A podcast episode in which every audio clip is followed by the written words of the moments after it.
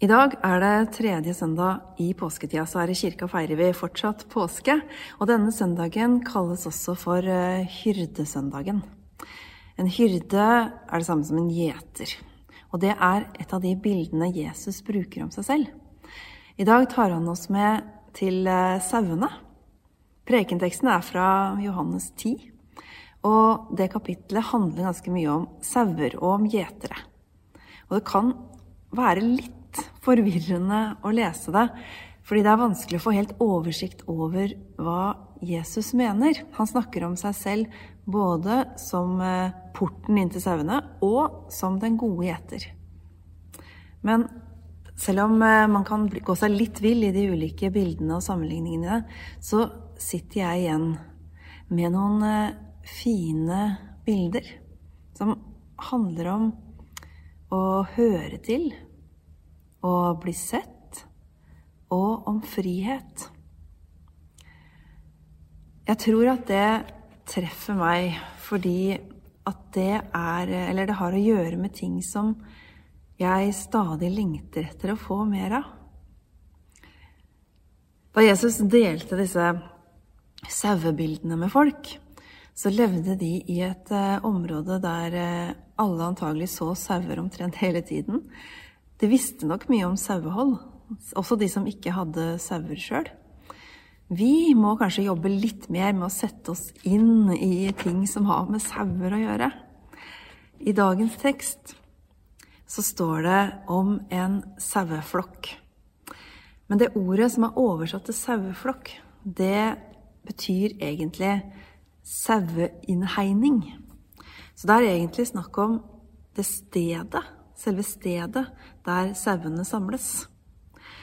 Det er et eh, område med et gjerde rundt, eh, der sauene er nokså trygge. Og dit gjeterne ofte leda sauene om kvelden, sånn at de skulle være lettere å passe på dem når mørket kom.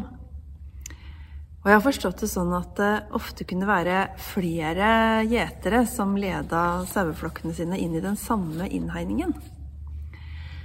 Flere gjetere som, som, delte på den samme innhegningen, sånn at eh, flere saueflokker var inni der samtidig. Jesus forteller at eh, når en gjeter kommer, så åpnes porten inn til innhegningen for han.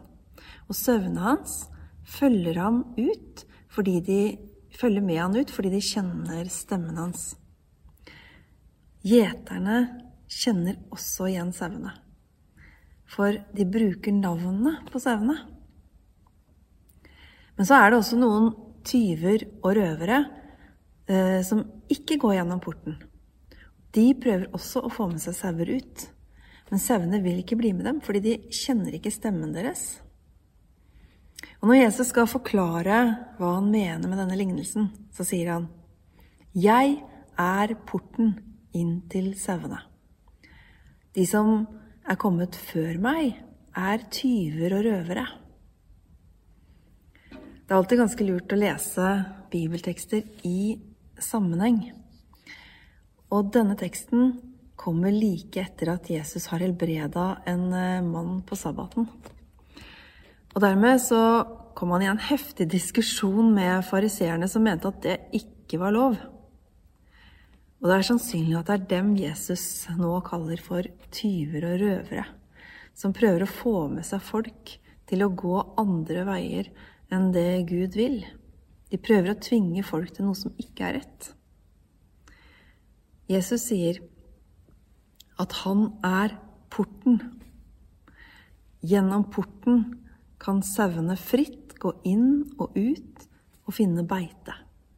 Han sier den som går inn gjennom meg, skal bli frelst. Å bli frelst, det er å bli satt fri. Og Jesus sier, 'Jeg er kommet for at dere skal ha liv og overflod'. Det er noe med denne friheten, friheten til å gå ut og til å gå inn, som jeg liker veldig godt og at vi kan få være hos Gud uansett. Jeg vet ikke helt om det er meningen at det her skal begynne å bety noe konkret, men jeg ser for meg at det å gå ut og inn av den porten til innhegningen kan være å gå ut og inn av eh, hvilen hos Gud. Eller ut og inn av en stille stund sammen med Gud, kanskje. Vi kan gå inn i innhegningen og være i ro hos Gud. Men så må vi også ut for å finne beite. Vi må ut for å leve livet vårt. Hvis vi fortsetter å lese videre etter dagens tekst, så sier Jesus at han er den gode gjeteren som gir livet sitt for sauene. Han er både porten og han er gjeteren. Det er litt vanskelig å få til å gå opp i huet eh, når vi prøver å se det for oss. Men det er også noe veldig fint med det, syns jeg. Noe som sier en god del om hvem Jesus er. Han er døra, eller porten, inn til Gud. Og det er gjennom ham vi går for å komme dit vi hører til, og for å bli fri. Han er også den som kan navnet vårt, som kjenner oss, og som går sammen med oss ut i livet. Gjeteren vår. Friheten, den handler kanskje også om at Gud eh, ikke holder oss fast mot vår vilje. Han låser ikke døra. Han tvinger oss ikke til å gå en bestemt vei. Gud elsker oss med en kjærlighet som setter oss fri. Vi kan velge selv om vi vil følge Jesus, eller en annen gjeter, eller om vi vil klare oss selv. Men Gud tilbyr oss å få være der vi hører til, hos Han som har skapt oss. Han lengter etter at vi skal ville det. Der er vi også fri. Jeg tenker at det også har å gjøre med at Jesus kjenner oss. Han kan mye mer enn navnet vårt. Han vet mer enn oss selv om hvem vi er. Og han vil hjelpe oss å bli den vi er skapt til å være. Det er en veldig dyp frihet. Det er mange som vil eh, fortelle oss mye om hvordan vi bør leve. Hva vi bør velge, og hvordan vi bør se ut, og hvordan vi bør være. Selv om vi vil klare oss selv, så kan vi ikke la være å bli påvirka av andre. Det er mange stemmer som eh, roper og som vil ha oss hit og dit. Og så må vi selv velge hvem vi skal høre på. Jesus kjenner oss. Han eh, sier navnet vårt. I lignelsen står det at sauene kjenner stemmen hans. Og det var en som var på ferie i eh, Jerusalem, som fortalte at eh, han hadde kommet rett oppi en saueflokk mens han var ute og gikk tur et stykke utafor byen. Eh, det var masse sauer som kom fra forskjellige kanter ned i en liten dal der det var et vann, for at de ville drikke, av det, drikke av det vannet.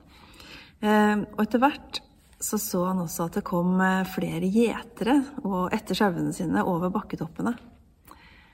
De ble stående og vente på de små åsene rundt omkring vannet. Men mens sauene gikk rundt omkring hverandre nede ved vannet. Og så sto han som så på og tenkte at eh, nå får gjeteren en skikkelig jobb med å få med seg de riktige sauene hjem igjen. Når alle begynte å blande seg der nede. Men så begynte gjeterne å rope på sauene. Og én etter én så kom de ut av det store mylderet og gikk hver til sin kant. De kjente stemmen til gjeterne, til sin egen gjeter. Og så kom de tilbake dit de hørte til, og ble med i sin egen flokk videre. Jeg vet eh, at det er noen som blir litt sånn usikre når de hører dette om at vi skal kjenne stemmen til Jesus. Kjenner jeg stemmen til Jesus? Jeg tror det som, så mye annet har som, så mye annet som har med tro å gjøre, eh, er både lett og litt mindre lett på en gang. Hvis vi vet litt om hvem Jesus er, og kjenner at vi vil være hos han, da er det å kjenne stemmen hans. Det er noe med han som gjør at vi velger å snu oss den veien. Som gjør at vi opplever at vi vil høre til oss han. Da kjenner vi stemmen. Så enkelt er det. Og samtidig kan vi alltid bli bedre kjent med Jesus. Og dermed også bedre kjent med hva vi er skapt til, og hvor han leder oss. Et spørsmål vi kan stille hvis vi har lyst til å utforske det litt, det er dette som jeg kanskje vil nå, leder det meg mot Gud? Eller leder det meg fra Gud? Sånn jeg kjenner Han. Og så kan det være veldig fint å snakke med hverandre om sånne ting også. At vi kan hjelpe hverandre å se mer av eh, hvordan livet vårt sammen med Jesus kan være. Og så er du også alltid velkommen til å ta kontakt med en av oss som er prester her i kirka, eller noen andre som jobber her, for å snakke om det. Så kan vi huske at det finnes et sted. Det finnes en port, en stemme, en Gud, som stille roper navnet vårt. Og så kan vi rusle den veien som vi dypest sett vet at vi hører til. Herren velsigne deg og bevare deg. Herren la sitt ansikt lyse over deg og være deg nådig. Herren løfte sitt åsyn på deg og gi deg fred. Amen.